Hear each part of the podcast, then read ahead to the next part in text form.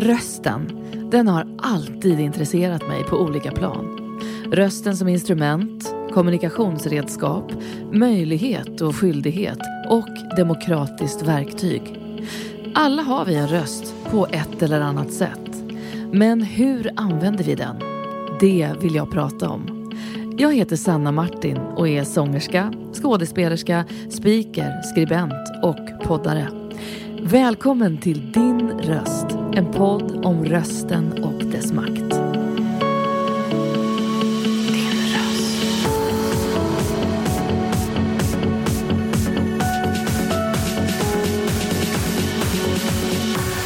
Din röst. Bra, bra, bra. Men då är det mig en eh, glädje att säga välkommen till min podd Din röst, Lars Strannegård. Tack så mycket. Roligt att vara med. Jättekul att vara här. Vi sitter i ett fantastiskt vackert kontor på Handelshögskolan i Stockholm där du är rektor sedan 2014. Och du är civilekonom, professor i företagsekonomi och ledarskap. Precis. Utbildning ska betraktas som en upplevelse, inte som i ett event utan som en händelsekedja som rör om i själen. Men om utbildning ska resultera i en omrörd själ måste det till fler inslag än vad den traditionella undervisningen i Sverige brukar erbjuda. Det måste till en treenighet som inbegriper tanken, själen och kroppen. Och det här är ett utdrag ur din bok Kunskap som känns, en lovsång till att lära sig något nytt. Hur kommer det sig Lars att du har höjt din röst i den här frågan? Vad är det du ser saknas i den svenska synen på undervisning? Det var väldigt fint det där du läste. Jag tyckte att jag kände igen det och nu inser jag eh, att det var ifrån boken. Um, men jag tycker att um, den, um, den svenska utbildningsmodellen är mycket, mycket specialiserad. Och uh, våra unga idag, de, de, de börjar redan som 15-åringar att faktiskt specialisera sig. Och nu talar jag främst om de som sen går vidare till högre eh, utbildning. Och det är ju så att man eh, på gymnasiet så är eh, en, av de, en av de vanligaste eh, gymnasieprogrammen är ekonomiskt program. Mm. Och eh, då börjar man redan som 15-åring att specialisera sig inom, då, inom då ekonomi. Mm. Och sen kanske man går vidare och läser företagsekonomi som är Sveriges största universitetsämne och till exempel eh, ett av de ämnen som vi undervisar i här på Handels. Eh, och då specialiserar man sig redan där. Då. Så då har man läst först tre år på gymnasiet och sen tre år på universitetet. Då har man läst sex år mm. specialiserat på ekonomi. Ja. Och sen eh, så går många numera en master som är då en specialisering. Och då specialiserar man sig ytterligare två år i ekonomi. Mm. Så då börjar man eh, när man är 15 och sen kör man då i, i åtta år och inrikta sig på just eh, ekonomi. Och det, jag tycker jättemycket om ekonomi, det är ju liksom mitt ämne och det är här jag arbetar. Men det är kanske inte det allra bästa sättet att ändå förbereda sig för den värld som vi nu befinner oss i med eh, ja, alla de hållbarhetsutmaningar som vi står inför och en ny geopolitisk ordning och så. Då är liksom inte eh, bara ekonomi det, det bästa sättet. Och om man jämför med många andra länder, eh, då har man ju till exempel ja, den anglosaxiska världen, då har man ju ett college, en college-tid där hela tanken är att man vidgar sig helt enkelt. Ja. Och ser på världen på ett, på ett annorlunda sätt.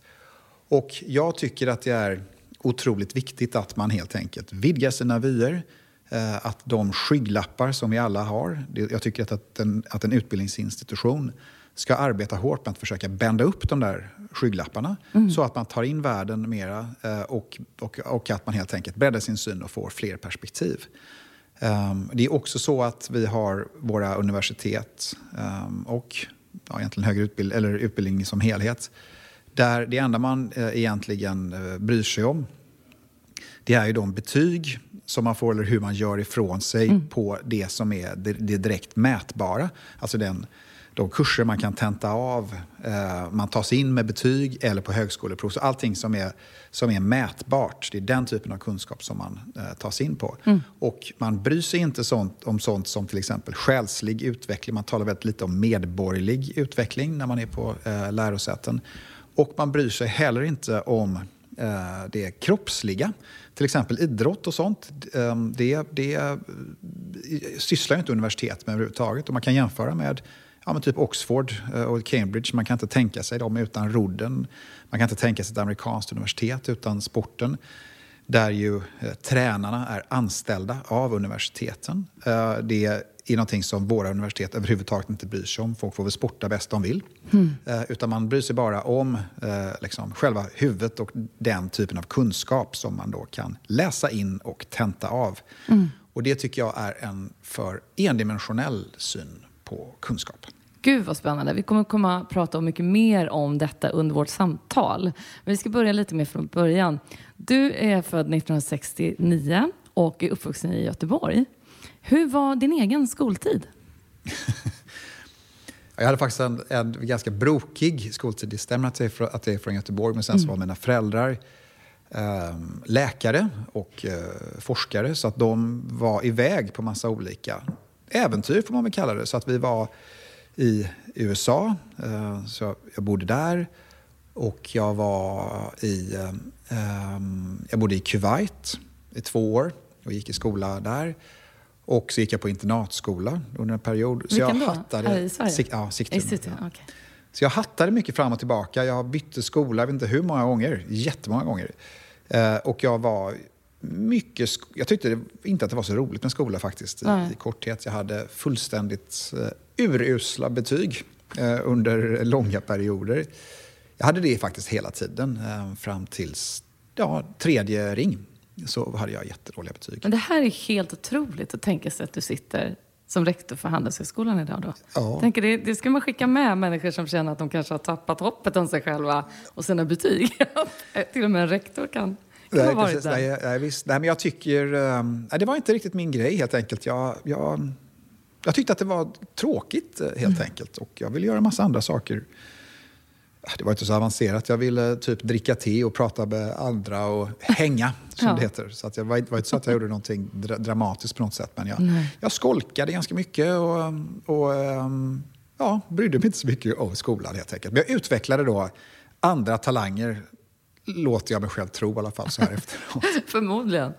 Men du, en sak som brukar komma upp i den här podden är den vanliga ångesten att tala inför folk, som så många lider av. Eh, har du känt av det under eh, din tid, både som vuxen och i din ledarroll, men även som yngre? Att du tyckte det varit jobbigt att, att tala inför andra? Jag tycker att det är väldigt jobbigt att tala inför sådana som jag känner väl. Och om det är en halvstor grupp. Jag tycker att det är okej okay om det är några stycken sådär. Det tycker jag inte är så farligt. Nej.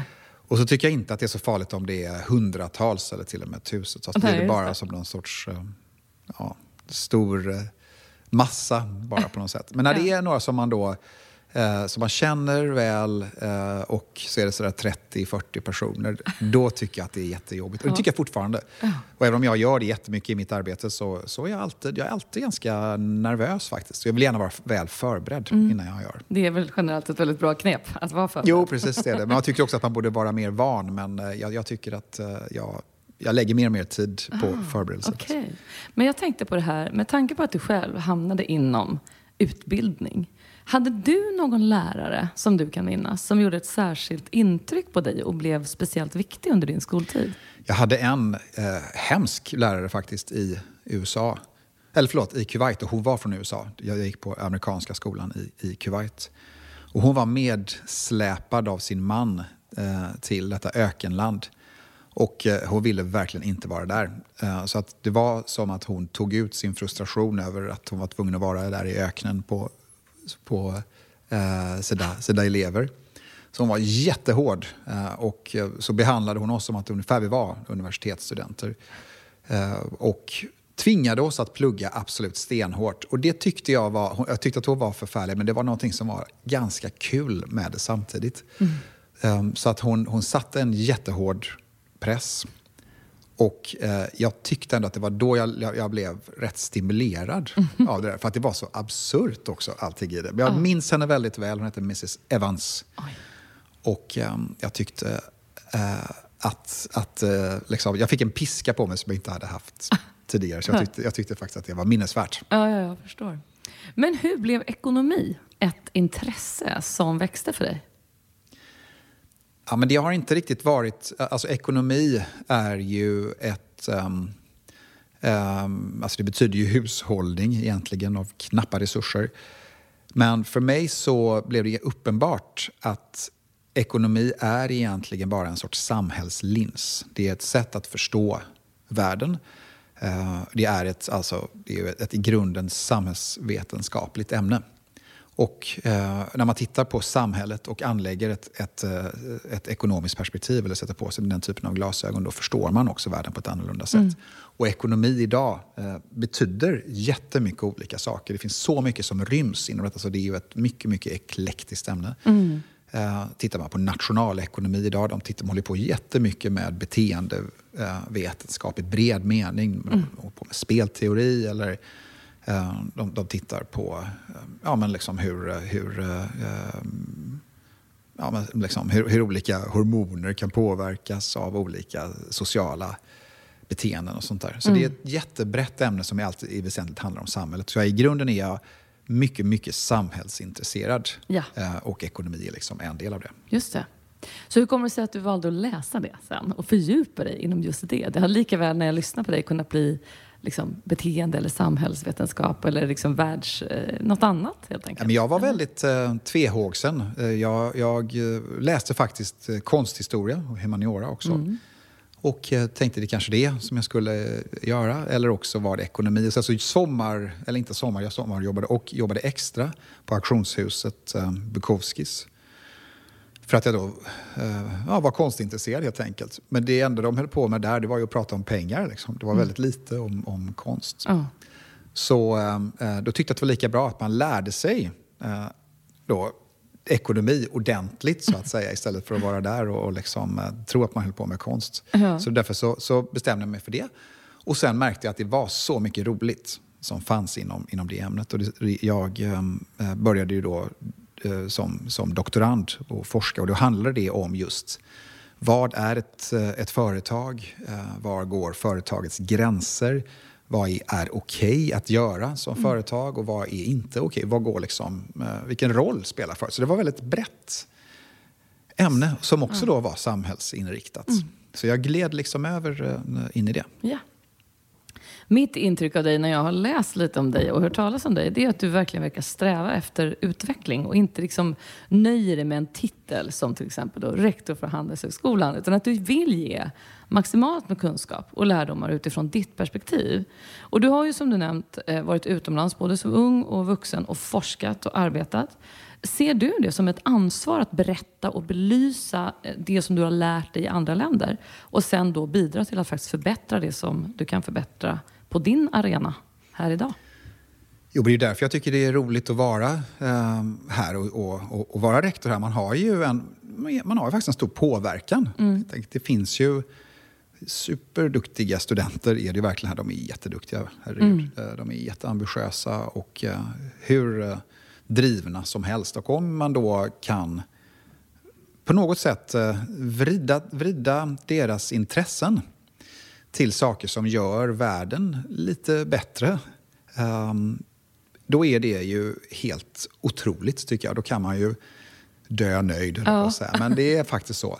Jag, jag är väldigt uh, just driven av det, att det är möjligt. Och allt detta med den unga generationen och försöka påverka deras sätt att se på världen, det tycker mm. jag är mm. jättestimulerande. Ja. Och det är inte så att jag ser det som en skyldighet om man har varit i ett annat land och komma och berätta för alla det man har upplevt. Så ser jag det absolut inte. Men jag, jag, tycker att man ändå har, speciellt om man som det här är då, detta är en utbildningsinstitution, härifrån utexamineras individer som får beslutande inflytande över massor med människor. De blir chefer och de blir liksom, ja, men statsministrar och partiledare och, mm. och äh, får, får äh, ja, chefer av olika slag.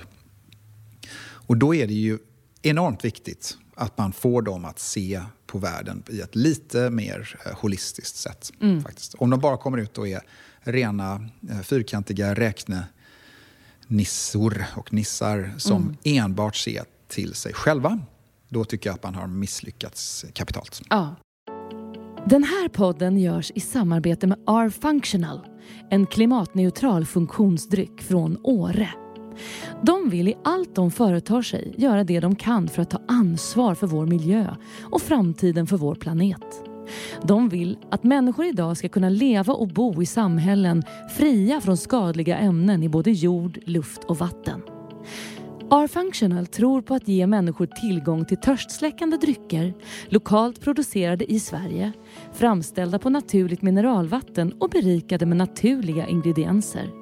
Genom ett för miljön minimalt belastande sätt levererar de fossilfritt från sin tillverkning i Åre och ut till sina kunder i resten av Sverige. Allt för att göra så små avtryck som möjligt på den här planeten och för att vi och nästa generation ska kunna känna naturens krafter även i framtiden. Läs mer på rfunctional.com. Och du är alltså rektor för Handelshögskolan i Stockholm sedan 2014. Och här går, om jag har läst rätt, då, ungefär 2000 elever på era tio olika ekonomiprogram. Högskolan är Sveriges första handelshögskola och startade på initiativ av det svenska näringslivet 1909. Som rektor för en av våra ledande akademiska utbildningar, hur kan en arbetsdag se ut för dig? ja, den eh, eh, kan se mycket olik ut från den ena dagen till den andra. Men, um, ja, men det jag gör uh, i väldigt hög utsträckning är att vi är ju också en privat, uh, icke vinstdrivande uh, verksamhet. Och vi har under 20 procent av vår finansiering som kommer från staten. Mm. Och vi tar ju inte ut, vi får inte ens lov enligt lag att ta ut studieavgifter från svenska och europeiska studenter. Ehm, så det innebär att vi måste jaga in finansiering på massa olika sätt. Så vi har över 100 partnerföretag. Så de måste jag tala med och fråga om de tycker att vi gör relevanta saker. Mm. Ehm, om de tycker att vi forskar på rätt sätt och om vi utbildar på rätt sätt. Så att jag, jag har väldigt, väldigt mycket externa kontakter mm. då med företag och med donatorer. Jag har det med, eh, med eh, andra universitet. Vi är med i olika nätverk så att jag, jag talar med, eh, ja, med rektorer från andra universitet och andra lärosäten. Väldigt mycket i andra länder. Jag kan... Eh, eh, alltså det är många interna saker som vi håller på med. Allt ifrån vår IT till hur vi ska... Eh, hur vår, ja, vi ska begå vårt bibliotek eh, och sådana saker som vi håller på med. Mm. Och sen då naturligtvis all den akademiska personalen som, eh, som ja, det, gäller, många, många, det, går, det går ganska bra för Handels generellt och det har att göra med att vi har väldigt duktiga forskare. Mm. Vi har fått jätte, jätteduktiga forskare och vi har liksom jackat upp den nivån. Och det är roligt, men det som är det tråkiga det är att de också får erbjudanden från andra universitet. Så då kommer de och så säger de att de har fått ett bättre erbjudande någon annanstans. Och sen är de ganska lättrörliga också därför att många är från andra länder. Um, och då måste man försöka förmå dem att stanna kvar. Så jag håller på mycket med sådana saker också. Försöka ja. säga snälla, stanna. Ja. Och sen är inte Sverige världens uh, höglöneland för akademiker. Och dessutom har vi en jättesvag krona mm. nu. Och en ganska jobbig boendesituation här då i, i Stockholm Precis. inte minst. Så att jag håller på med sådana saker och försöka få in uh, duktiga uh, lärare och forskare och framförallt förmå dem då att, att stanna. Sen talar jag ganska mycket med studenter också. Um, och sen så, uh, ja, så är det då ganska mycket att jag är ute och försöker det är nästan det är kvällsaktiviteter av olika slag. Mm. Där, där jag då träffar till exempel donatorer eller sådana som Nätverkar potentiellt Nätverkar på något sätt? Då för ja, precis. Ja, belysa Exakt. det nya. Ja, kul. Jag har pratat med ett par före detta elever som eh, är färdiga här nu, oj, oj, oj. men som gått de senaste åren. Och de eh, hävdar att du som rektor har varit mer framträdande än vad de tycker att man ser på andra skolor att det du arbetat för faktiskt satt an en ton här och att du visat ditt engagemang genom att vara synlig för eleverna. Vad tycker du själv är din styrka i ditt arbete? Det var ju väldigt roligt att höra. Um, nej men min styrka i mitt arbete, ja men det är ju, jag är ju väldigt dedikerad. Jag tycker detta är jättespännande och min fru brukar säga att vi är tre i den här relationen. Det är hon och jag och Handelshögskolan. Ja. så det är liksom... Jag lägger ju jättemycket tid och engagemang i det. Och jag vill gärna eh, försöka göra detta bara som ett så bra ställe som möjligt. Mm. Och jag vill eh, sätta ett, ett avtryck eh, som då faktiskt gör det, att, att, att det blir en mer eh, positivt laddad plats. Och jag vill försöka stärka det så att det blir... Ja, liksom, det, en idé det är ju att den som har, har en examen härifrån mm. Jag vill egentligen stärka värdet av den. Jag menar, om det kommer ut någon härifrån och gör ett stordåd, liksom startar någon fantastisk verksamhet, då blir ju liksom det mer känt och då blir det, är det bra för alla som har en examen härifrån. Ja, precis. Liksom. Ja. Så att um, jag, jag, vill helt enkelt göra allt möjligt för att försöka uh, få, göra det till en mer attraktiv och spännande plats och öka lyskraften helt enkelt. Mm. Och som sagt, eh, Handels startade 1909 och eh, har ju ändå lite en touch av att vara liksom en gammal finskola över sig. Med en del gamla traditioner. Vilka fördomar skulle du vilja punktera här och nu vad gäller folks bild av Handelshögskolan i Stockholm? Ja, men det är ju att detta är eh, ja, liksom överklassens eh, plantskola där det bara går rikemans, rikemans barn som allihopa har backslicks och loafers och, och pikétröjor och så. Mm. Och det gör det ju naturligtvis. Det finns ett antal sådana, men den stämmer väldigt illa ändå. Det finns ingen sån typisk bild. Det här är ju numera en helt internationaliserad plats.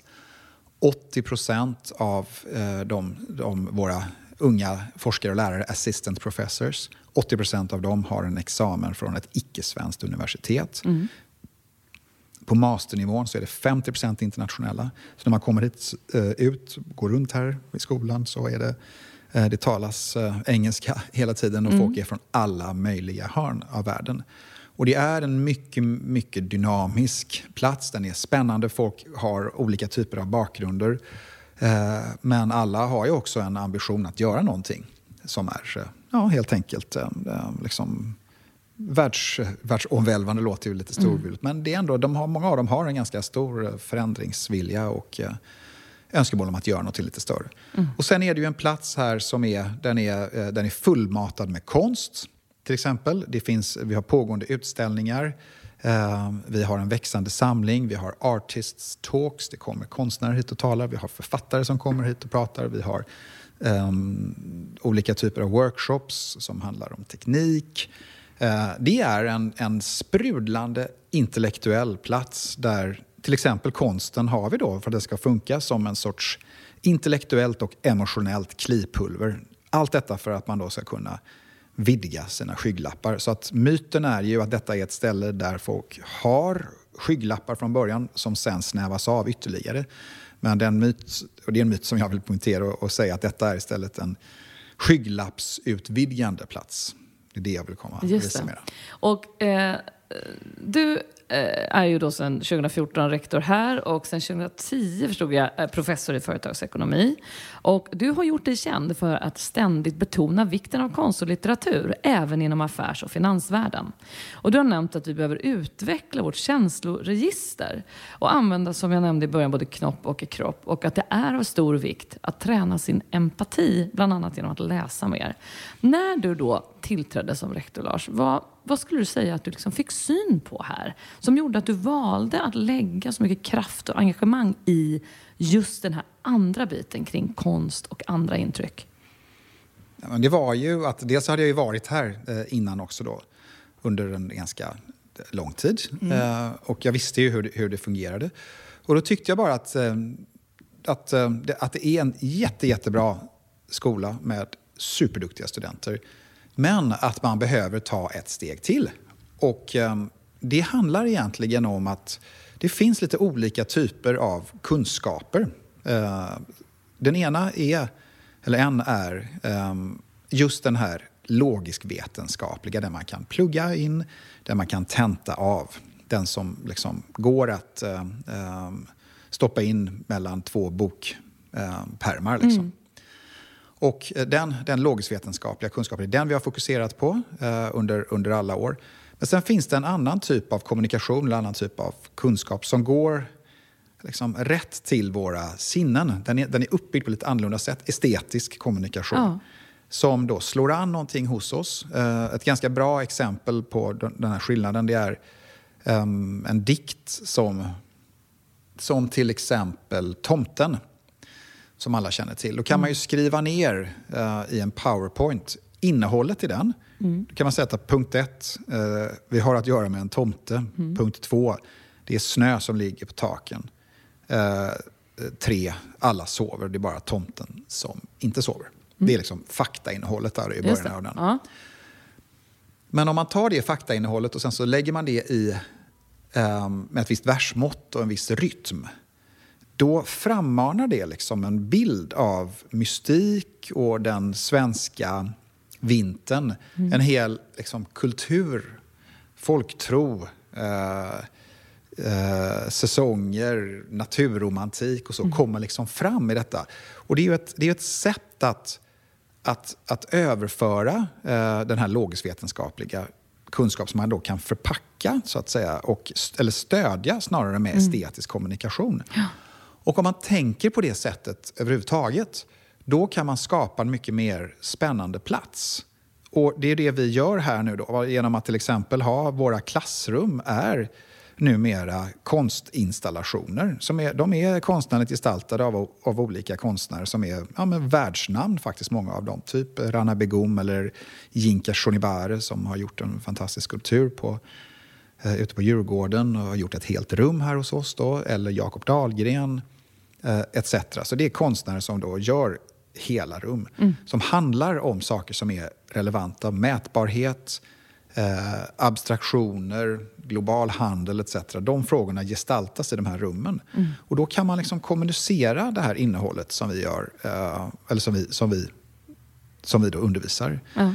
Um, och sen ger det ett eftertryck med den här typen av miljö. Så då blir det mer spännande, mer stimulerande och då vill man vara här. Så att jag vill att det ska kännas som att det här är en plats som man bara vill vara på, stimuleras av eh, och aldrig lämna. Liksom. Den typen av känsla. Och det kan man bygga med hjälp av eh, framförallt då kulturella uttryck. Mm. Ja, men det stämmer ju. Jag kan bara relatera till, nu är det såklart lätt för mig att säga som jobbar inom kultur och sådär, men eh, bekräftat bland annat i avsnitt som jag släppte med talman Andreas Norlén tidigare i eh, podden, där han ofta reciterar dikter och poesi in i sina tal och mm. även liksom i internationella relationer.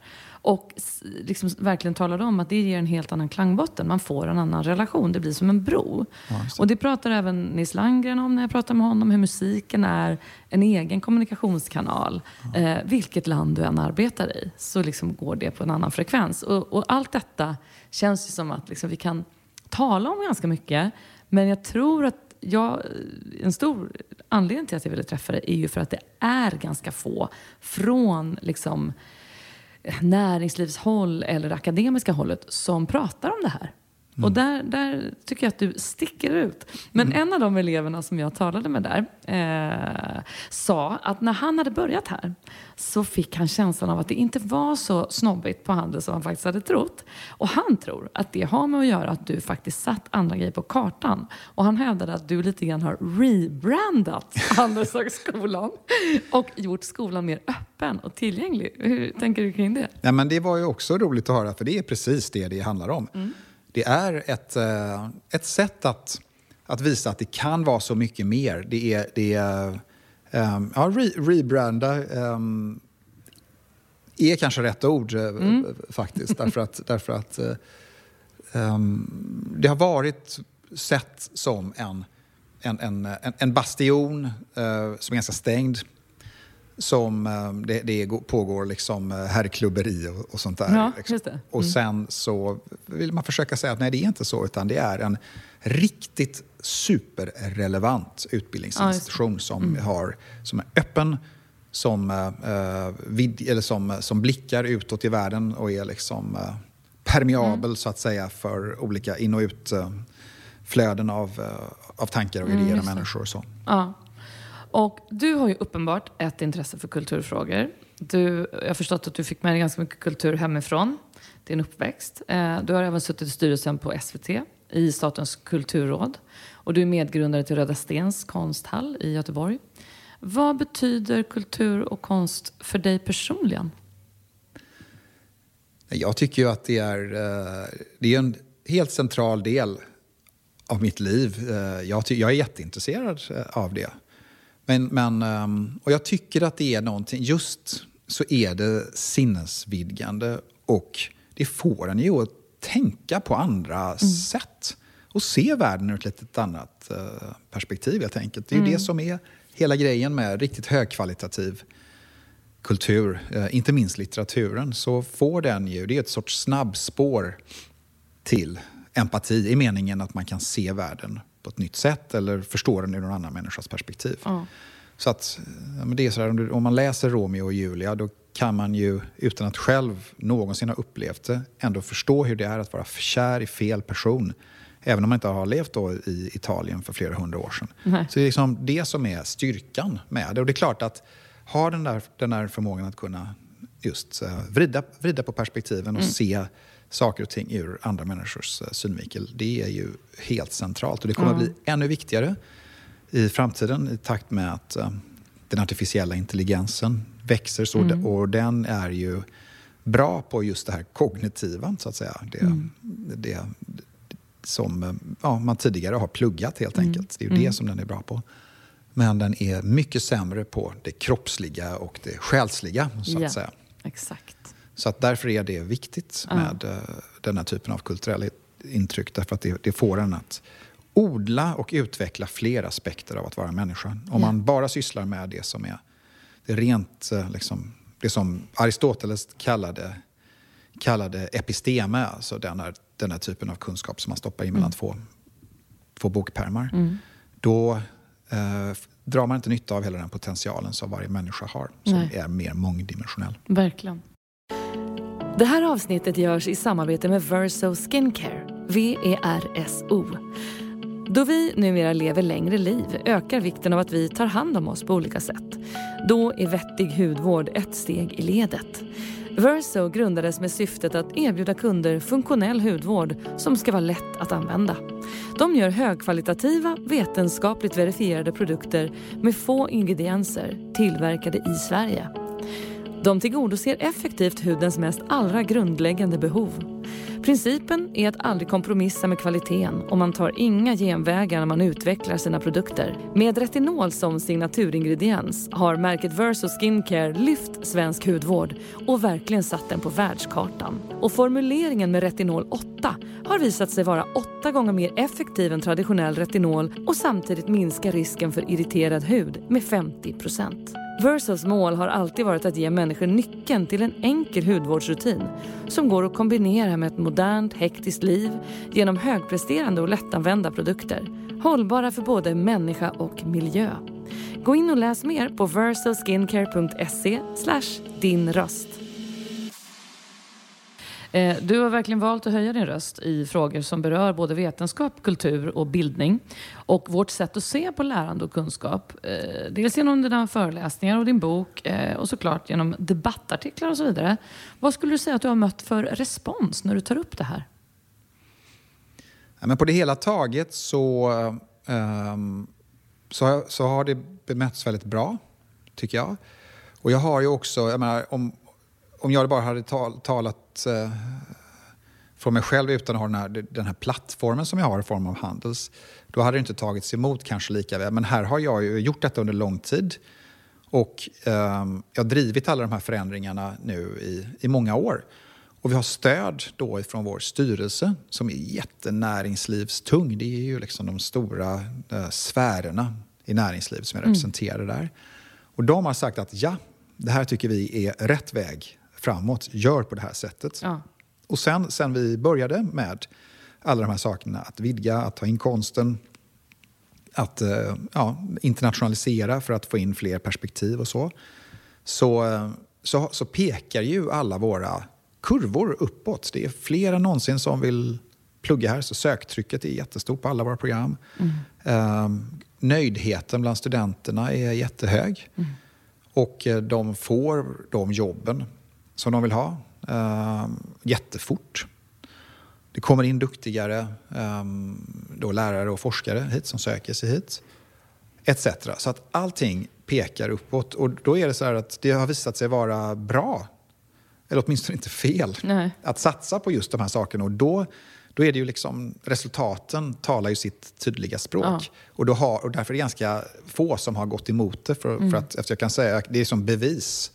Jag kan inte säga exakt att varje konstnärlig gestaltning av ett klassrum Mm. eh, har givit liksom, x antal hopp uppåt på rankingen. Vårt eh, program, alltså vårt utbildningsprogram i, i, eh, som heter, i Master in Management, alltså vår, i International Business, rankas nummer fyra i världen. Det är liksom helt fruktansvärt bra. Ja. Man får nypa sig i, i handen eller armen, eller vad det är man nyper sig, för att eh, förstå hur bra det är. eh, och att vi har faktiskt klarat det. Och, eh, och när, det, när man har den typen av resultat, då, då kan man göra mycket mer. Då, ökar Ja. också frihetsgraderna. Just mer. det, precis. Jag läste någonstans då när jag läste på om dig att det det var någon som hade citerat, jag kanske klipper bort det här, får vi se. Eh, men det, det var någon som hade citerat någon så här, åh nej, man drar lott om utomlands, vem som ska sitta bredvid den svenska tråkiga ekonomen för att den inte kan föra sig i samtal. Eh, och, att där, och att det liksom där fanns en beröringspunkt kring att så här, du hade identifierat att eleverna härifrån kan inte gå ut utan liksom världskunskap och bildning som är så att säga icke-mätbar. Liksom. Har, har du sett sådana situationer och fått Nej, höra är- om dem själv? Ja, ja, Eller är det det här en skröna? Nej, men det, det är inte jag som har sagt det, utan det, det började ju med att det var en artikel i, som Jan Gradvall eh, skrev. Ja. Eh, där, där, där det var det, och han hade i sin tur hört det där då, om att eh, inga fransmän ville träffa svenska affärsmän därför att de bara kunde prata om golf. Liksom. och, eh, och det är ju en, det är en skröna Mm. Och den är naturligtvis överdriven, självklart. Men den är ju också lite sann. Ja. Därför att vi har det här utbildningssystemet som vi har. Mm. Här går man och specialiserar sig väldigt mycket. Och är du liksom ja, men engelsman, du är en helt vanlig karriärväg att du läser Greek literature Mhm. och sen går du ut och börjar jobba på en investmentbank. Det är ju ingen svensk som har den. Nej, men det är superintressant. Och vi, vi pratar ofta om den här eh, saken då. Att till exempel vara rädd för att tala inför folk. Och att eh, vi tycker inte att barn läser tillräckligt mycket. Och det är så himla mycket diskussioner kring att vi jämför oss med andra kulturer utan att se var problemet egentligen ligger. Jag kan personligen tycka att det pratas alldeles för lite liksom om läroplanen. Att vi indoktrinerar ju inte våra barn på lågstadiet med svenska författare i den graden man gör liksom i Frankrike. Och vi älskar att, lyfta vissa länder. Och, men vi har aldrig liksom implementerat det här äh, filosofiska värdet eller litterära, litterära eller att de ska prata inför klassen och lära sig att höra sin egen röst. Och, alltså, det är så himla mycket där vi ligger efter kan jag tycka. Och då pratar inte jag om 15-årsåldern som du var inne på där man specialiserar sig. Utan kanske liksom 8-årsåldern faktiskt. Men vet, den stora skillnaden det är ju att vi i Sverige har verkligen ett utbildningsperspektiv. Ja, med, med väldig eh, tonvikt på prefixet ut. Mm. Så man kommer in på en utbildning, man tas in ofta via betyg Mm. och sen så får man, eh, lever man upp sen då till, till lärkraven och sen så får man sin examen när man har gjort allt detta. Och sen Ja. är man då utbildad, man Ja, är borta, check, liksom. check, ja, så är det borta ur systemet. Mm. Men om man istället försöker ta bort det där prefixet ut, så att man inte bara försvinner ut, utan då har en, en, en bildningssyn. Då handlar ju bildning i allt väsentligt om ett förhållningssätt till världen. Det är ett Ja. sätt att ta in världen på och förhålla sig till den. Och vi har formulerat vårt, alltså Handels har nu ett utbildningsuppdrag som vi förkortar FREE. Och eh, anledningen till att vi har det, eh, eh, den förkortningen, är att alltså, utbildning är ju i grunden ett frigörande projekt. Det handlar om att öppna dörrar i världen och att få valmöjligheter. Och F eh, i FREE står för fakta och vetenskapligt baserat synsätt. Jätteviktigt att man kan sina grejer och att det är forskningsbaserat, speciellt när man är akademisk som oss, som vi är. Och R står för reflekterande och självmedveten. Eh, det första E står för empatisk och kulturellt läskunnig. Och det sista står för entreprenöriell och ansvarstagande. Och det här är då, eh, det här FREE, det är vår utbildningsmission. Och när man då tittar på vad allt det där innebär, om, man kommer ut i världen och är då faktabaserad, reflekterande, empatisk och, och då kreativ eller nytänkande, entreprenöriell i den meningen. Då handlar det om ett förhållningssätt till världen. Det är ett sätt att göra det. Du är faktabaserad. Du, har inte, du behöver inte Um, liksom, det, det, blir en resonansbotten ja, ja. hos dig egentligen. Mm. Och det kan man lära sig på ett, ett antal olika sätt. Men det är det som allting handlar om. Annars är det ju, och är du reflekterande då fastnar du inte i, i rådande liksom, teorier eller, eller äh, mentala modeller av hur, hur världen ser ut.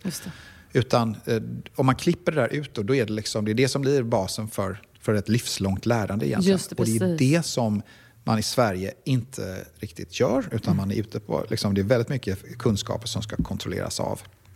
Eh, och man glömmer i då lärmålen att det faktiskt handlar om förhållningssättet till världen. Ja, det är briljant beskrivet tycker jag. För jag älskar att lyfta det här bildningsbegreppet. Jag tycker ibland att vi dels snör in, precis som du säger, på utbildning.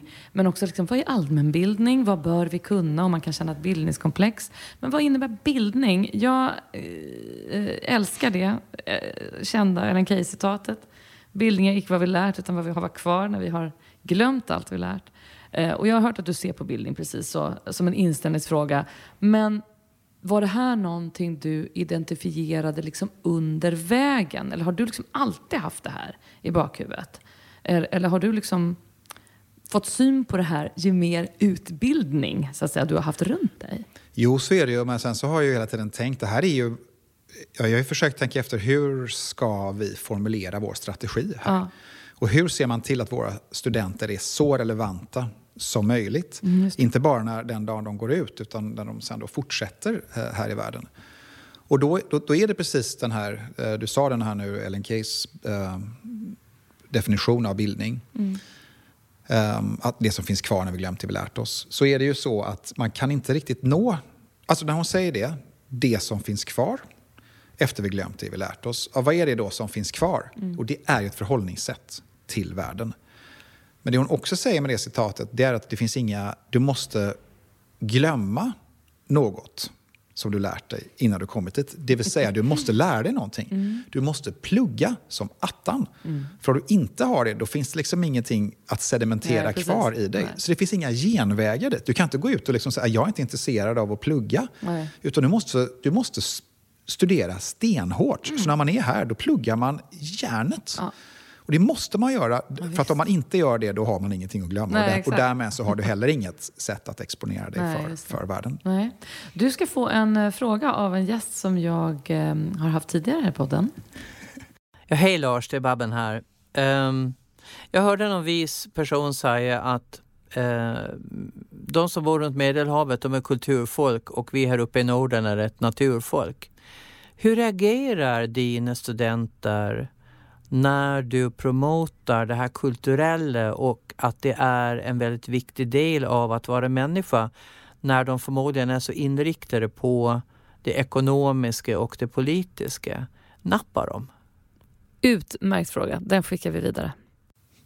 Ja, det var en fråga från Babben Larsson till dig. Ja, det var ju en härlig fråga.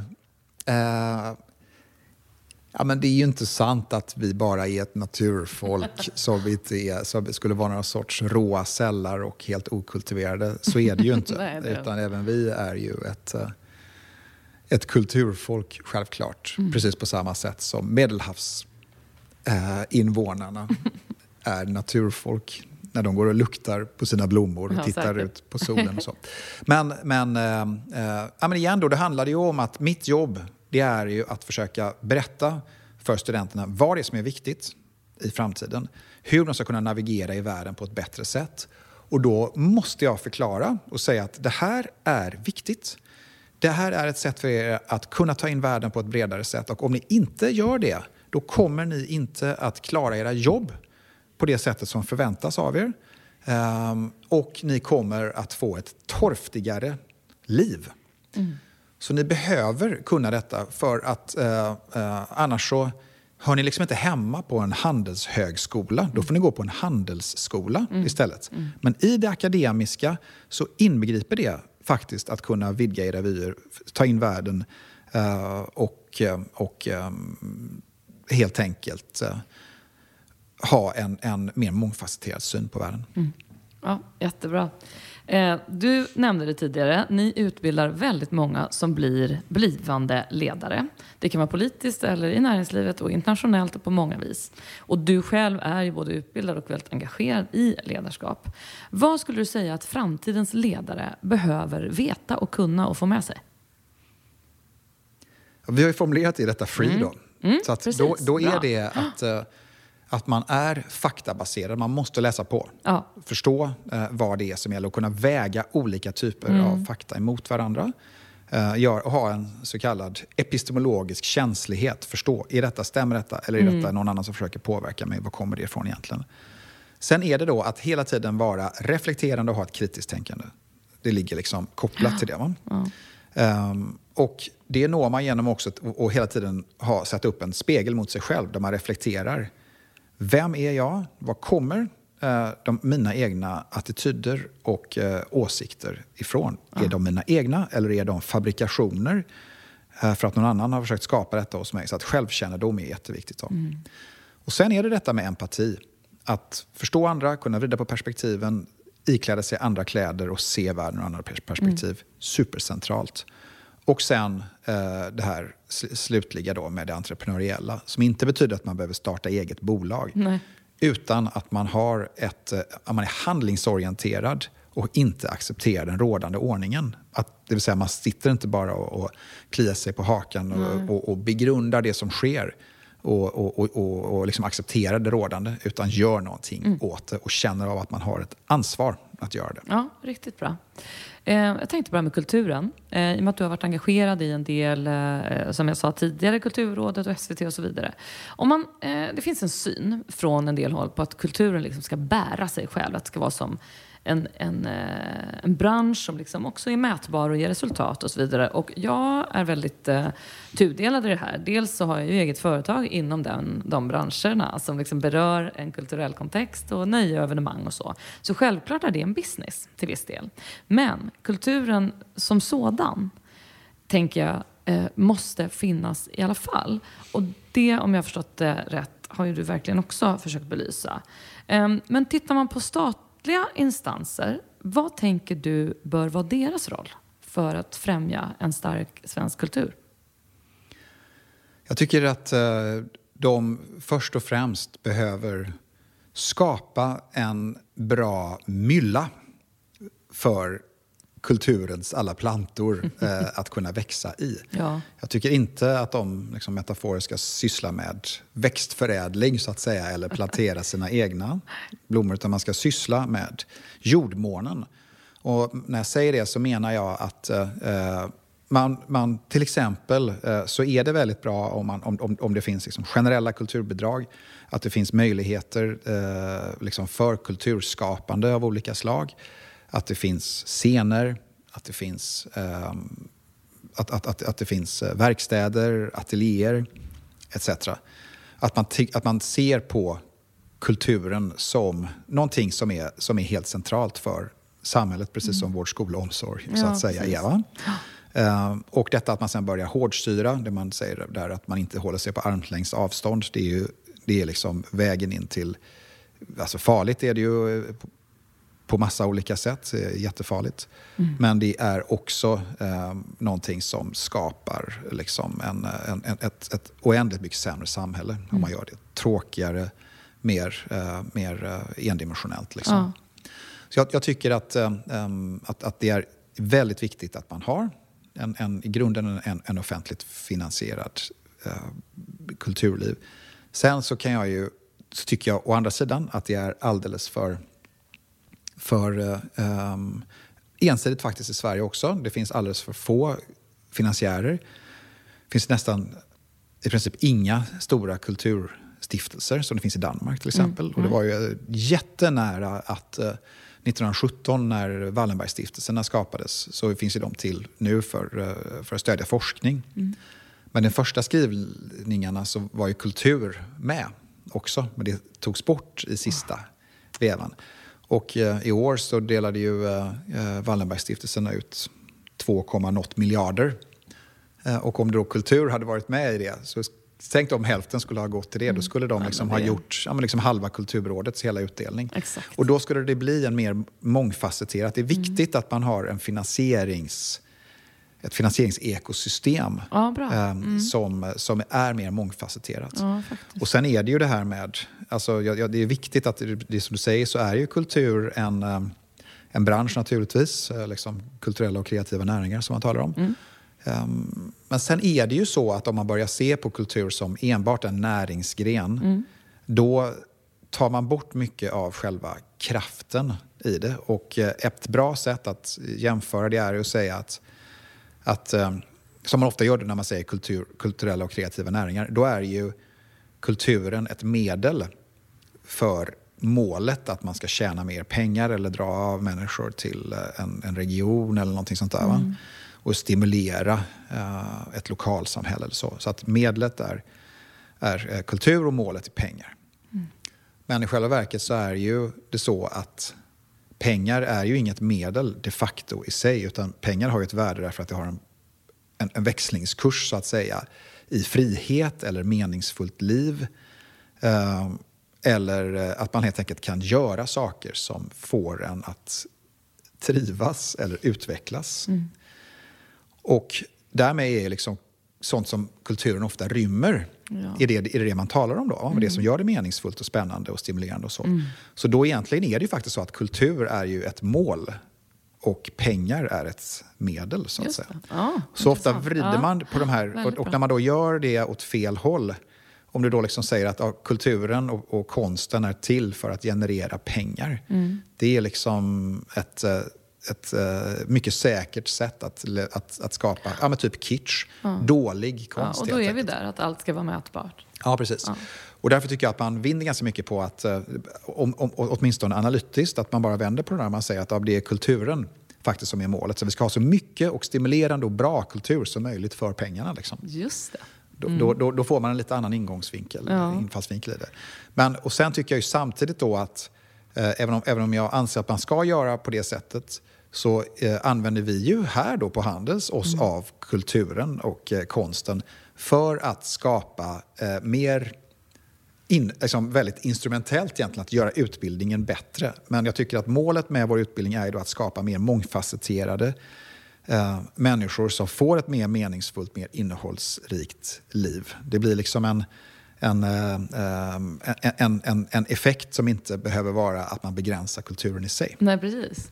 Demokratin har ju onekligen utmaningar idag. Eh, vad skulle du säga är utbildningsväsendet och eh, er roll i liksom, demokratin framåt eh, nu? Om man ska se vad liksom, en skola som Handels kan bidra till för att stärka demokratin.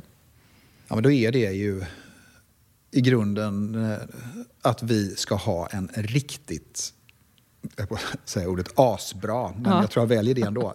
Eh, utbildning. Som är att man verkligen lär sig. Kan man förstå samhället, kan man analysera det eh, och om man får en bred kunskap då kommer man inse att eh, demokrati är vägen framåt och att den är värd att försvara och den är viktig att försvara och att den inte kommer av sig själv. Just det. Vi har tagit den för given under så många eh, decennier nu. Eh, men nu är vi i ett läge där vi faktiskt behöver argumentera för varför den är viktig och varför alternativet eh, är så mycket sämre med autokrati eller så. Eh, och, så jag, jag tycker alltså vägen, allt eh, som, som man kan, eller det viktigaste man kan göra för att skydda demokratin, det är ju utbildning. Det gäller alla nivåer och det är egentligen det enda sättet som, som gör att man kan försvara den. Exakt. Och jag frågar alla mina gäster, det var ju val hyfsat nyligen eh, och då undrar jag, vad gör ett valår, ytterligare ett riksdagsval med dig? Ja, men då är man ju eh, eh, ännu mera skärpt, höll jag på att säga, i sina, i sina samhällsanalyser. För man talar ju liksom, vad är det här, de här argumenten som framförs, alla de här politiska utspelen, vad är det som ligger i grunden för det egentligen? Vad betyder detta? Eh, Så jag tycker att det, är ett, det sätter liksom strålkastarljuset ännu mera på, på relevanta samhällsfrågor. Så jag tycker det är väldigt stimulerande och kul. Och det blir liksom självklart att det är, man får ju ett samhällsvetenskapligt ställe som vårt får ju en skjuts eh, av, av valåret just eftersom de här frågorna som är så relevanta för oss diskuteras eh, dag ut och dag in. Mm. Vad skulle du själv säga att du saknar i svensk politik idag? alltså, det, det, jag förstår att politikens inre logik inte tillåter det, men det är ju ett sakligt samtal, att man tar varandras argument på, på allvar. Helt enkelt ett, ett, de, de akademiska dygderna eh, egentligen. Mm. Respekt för, för varandras åsikter, eh, en vilja att, att förstå andra och så. Så mm. det är ju liksom en det går tyvärr inte att göra det, men det hade ju varit ändå underbart att kunna ha den idén så som den gamla klassiska grekiska idén om hur en demokrati skulle fungera. Mm. Uh, och uh, och liksom Agora, eller torget, då, som en plats där man faktiskt diskuterar saker för att bli bättre och komma till bättre beslut mm. istället för att bara driva igenom sin egen linje. Ja, men precis. Uh, ibland funderar jag på, utifrån ditt perspektiv då, och liksom, när du ser det du ser, ditt arbete, vad skulle du önska att makthavare visste, som du vet och som du ser? hur viktig Handelshögskolan är och att vi behöver mer finansiering. Sälj, sälja in dig själv, sälja in hela skolan ja, här. Nej, men jag tänker mer på också sådär att ibland upplever jag att politiker sitter liksom förenklat sett på höga hästar liksom långt ifrån en del av verkligheten mm. i alla fall. Mm. Och sitter och tycker om saker som de kanske inte riktigt sätter sig in i. Så då kan jag tänka, ibland beroende på vem jag träffar, så kan jag känna så här, vad fasen, vad hade den velat peta in i, i liksom toppolitikers medvetande? Nej, men det är ju, de ska ju, de ska ju då sätta sig in i alla dessa områden som mm. de helt omöjligen kan göra. Och eh, eh, det är klart att man skulle ju vilja att de, att de eh, ja, men också det låter, jag vet att det låter helt utopiskt, men att man ändå då skulle vara mer faktabaserad och mindre ideologisk liksom, mm. i detta. Och det, det, är klart att det inte riktigt går, men eftersom man röstar inte på det sättet. Politiken funkar inte på det sättet. Men det är ju ändå precis det man, det man önskar, att man skulle se vad är det som är den mest eh, den rimliga mm. att göra i detta. Så att när man studerar saker och kommer ner till dem så blir det ofta valet, det tar ganska lång tid innan valen eh, blir liksom ideologiska. så att säga. Mm. Det finns vissa saker som är nödvändiga. Ja. Det är ju rätt intressant bara tycker jag att ta exemplet med NATO, eh, vad man ännu tycker. Det tog ju liksom bara så kort tid eh, då liksom när, man, när man började känna av. Eh, fakta var ju en sak, det som faktiskt hände nu. Och sen i, i, i kombination med eh, den här rädslan som faktiskt kom, hur väldigt snabbt det ändå gick att eh, hela, de svenska partierna ändrade. Tjoff, vände, vände sig liksom. Mm. Och det där är ju när man ser sånt där, sånt där uh, hända så blir man ju dels liksom både lite rädd uh, att, det, att det kan gå så snabbt och ja. samtidigt lite hoppfull att när det väl ändå gäller så kanske man ändå kan, kan uh, gå samman och göra någonting. Mm. Så jag tycker att politiker helt enkelt de borde kunna ännu mer än vad de kan. Stackars dem. Jag tänker på det här med skolfrågan. När man liksom sitter med dig eh, som har din liksom långa bakgrund inom utbildningsväsendet och nu är här liksom på Handel. Så att, eh, allt det här mätbara med betyg och skolformen som sådan och att det likartade i skolformen faktiskt inte alls är till för alla. Hur tror du vi skulle kunna göra skolan och utbildningar mer inkluderande för till exempel barn och unga med NPF-diagnoser? Det, det där är ju en, eh, en, en, svår fråga tycker jag, därför att det handlar i grunden ändå om resurser. Och på något sätt så är det ju ändå att varje individ behöver få ett mer individualiserat lärande och kunna utvecklas efter sina egna, eh, efter sina egna förutsättningar. Mm. Och nu så, så det blir fler, fler som har den typen av diagnoser.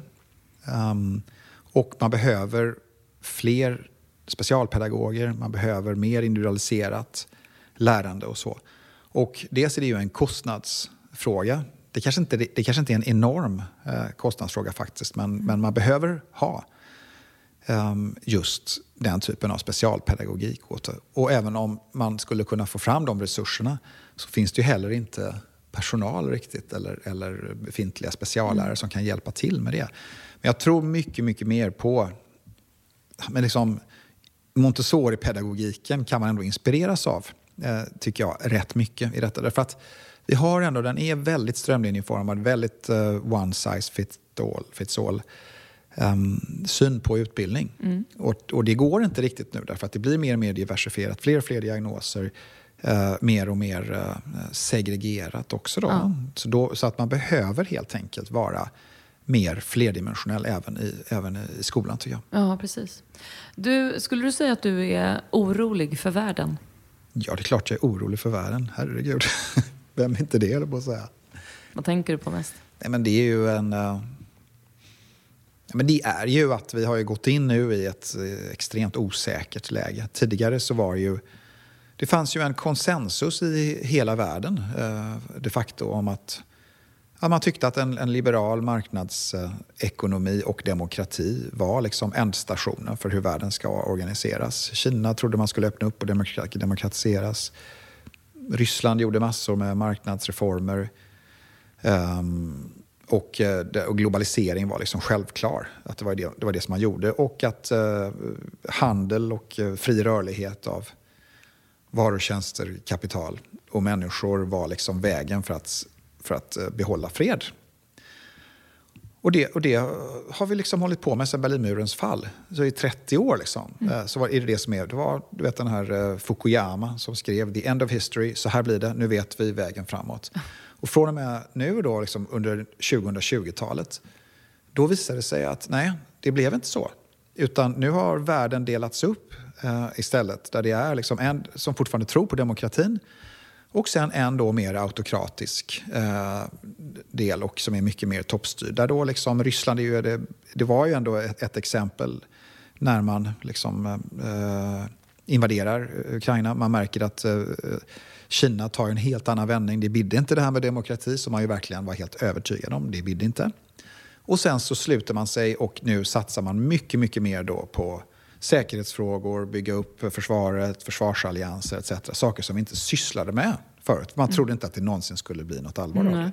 Och det är klart att den utvecklingen som vi ser med, med enormt mycket mer ökade militära spänningar, jättestor upprustning som sker eh, överallt, uh, mycket mer lättprovocerade världsledare som man då har. De är liksom, då, ja, liksom det, kan, det kan ju smälla till när tusan som helst. Och eh, sen då i kombination med alla de här hållbarhetsutmaningarna med mm. migration som kommer i de efterföljderna och, eller sviterna av det. Mm. Så den här, alla de här utvecklingsspåren, det var ju liksom, förut så var det ändå ljust. Ja. Och nu är det väldigt svårt att se någonting som är ljust, tycker jag mm. faktiskt. Det mm. finns liksom strimmor av ljus i en mörk himmel. Liksom. Så att jag, är, det, jag, den som inte är orolig för världen vill jag gärna tala med och få mm. ett gott skratt. Mm. Du har två barn. Eh, vad skulle du säga att du önskar att de får med sig ut i livet från dig? Ja, det är ju att de, eh, att de känner sig älskade. ja, det säger jag. Skrattar för läget, men det menar jag faktiskt. Mm. Jag tycker mm. att det är om de om de känner det eh, så tror jag att de får en bra blytyngd i sig ändå. Mm. Att, de, att de är ovillkorligen älskade och att eh, de då får en kunskapsbas som jag ju då tror väldigt mycket på. Om man har den kombinationen, man kan mycket och eh, känner sig älskad, då utvecklar man också någon sorts självförtroende och inre styrka som jag tror är bra, som då kan göra att man blir mer nyfiken och kan ta sig an världen på ett sätt Eh, som, som gör att all den storhet som finns där ute ökar sannolikheten att man faktiskt kan ta till sig och pröva på. Då. Mm. Jag tänker mycket på det här med unga eh, människor idag, alltså, som dina studenter eller unga eh, som kanske inte riktigt vet om deras röst räknas i samhället. Hur skulle du vilja liksom peppa dem till att tro på sig själva och eh, faktiskt eh, förstå att de visst räknas och kan göra skillnad? Ja, det, det, får ju våra studenter här mm. i väldigt hög utsträckning. Det, vi har ju detta också. Vi har faktiskt um, det här med free, som jag, som jag talar om då. Det har vi sagt att om vi nu vill uppnå free, då måste vi se på vår utbildning uh, gen, och, och, och, säga, och säga uttryckligen att det handlar om fem scen på engelska. Alltså alla börjar på C. Det ena är content, som är då kursinnehållet. Sen är det kontext, som är kontextualiseringen av den kunskapen. Då är det väldigt viktigt att folk kommer från olika delar av världen och ser att man har liksom en, en, en intellektuell mångfald. Sen är det eh, contacts, att de får vänner från andra, eh, ja, från, från, alla möjliga grejer. Att man, sen är det community, som är att man känner en affinitet med det här stället. Så. Mm. Och sen är det slutligen confidence, som då är detta som du frågar efter. Precis. Eh, och det får man genom att man då pluggar saker, man tvingas ut på olika typer av arenor, man får göra saker som man kanske inte känner sig helt bekväm med och över tid så lär man sig att jag faktiskt är en ung människa som är värd att lyssnas på. Det gör man i olika typer av projektarbeten mm. till exempel. Man gör grejer i studentkåren. Eh, man behöver göra olika typer av, av framträdanden och sånt där. Och de, det, det, det, vet vi att de gör. De växer ju enormt mycket i mm. självkänsla när de är här. Om du fick vara minister, vilken minister skulle du vara? Och vad skulle du börja med att ta tag i? ja, det ligger ju ändå utbildnings forskningsminister nära till hans, men också eh, kultur tycker jag också är väldigt intressant. Jag tycker att de här världsbildsformande verksamheterna som både kultur och skola och utbildning är de. Eh, men då skulle jag ju ändå, jag skulle, jag skulle faktiskt eh, som utbildningsminister då skulle jag vilja uh, ha ett lite, lite större holistiskt perspektiv på vad utbildning de facto är. Mm. Jag skulle till exempel vilja, uh, som det är nu så är till exempel idrott och uh, um, skola helt åtskilt. du vet, man är liksom i fotbollsföreningar mm. och sånt där, är det jättestort. och så är det kulturskolan som är någonting annat än vad skolan är, som då massor med folk mm. hänger klockan 23.59 när, när de släpper då platser ja. för de kommande säsongerna. Så.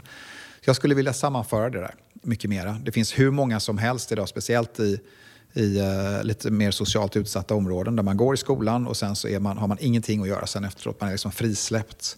Uh, så att säga. Så jag tycker man skulle ha längre skoldagar som inte bara är skola utan är mer dimensioner av livet som, som då inbegriper både liksom kunskap, eh, kropp och själ så att mm. säga. Så att man gör det på ett och samma ställe. Och då minskar också sannolikheten att man eh, dras in i andra, mer negativa eh, sammanhang. Och man utvecklar också en poten- den, den fulla potentialen. Man ska helt enkelt ta ett större ansvar som utbildningsinstitution. Ja, jag blir nästan lite tårögd. För det är så himla viktigt. Jag önskar att så många fler skulle faktiskt höra och ta till sig det där. Så att det skulle bli eh, lättare att vara ung i samhället idag. Mm. Eh, hur vill du helst använda din röst framöver? Jag vill fortsätta att vara här på Handels. Jag tror ändå att det där blir den största snöbollseffekten. Det är ett ställe där det kommer ut folk som tar plats på andra, andra ställen i, i samhället. Så att om jag kan påverka dem så tycker jag det är det bästa sättet att göra det på. Tack för ditt engagemang och för att jag fick eh, prata med dig Lars i den här podden. Tack så mycket själv. Superkul, verkligen. Och tack till er som har lyssnat och lycka till säger vi till alla studenter i detta fina hus. Eh, och tack snälla R-Functional för att ni vill vara med och stötta det demokratiska samtalet. Och tack även till Verso Skincare. Ha en fin dag och eh, vi hörs igen. Hej!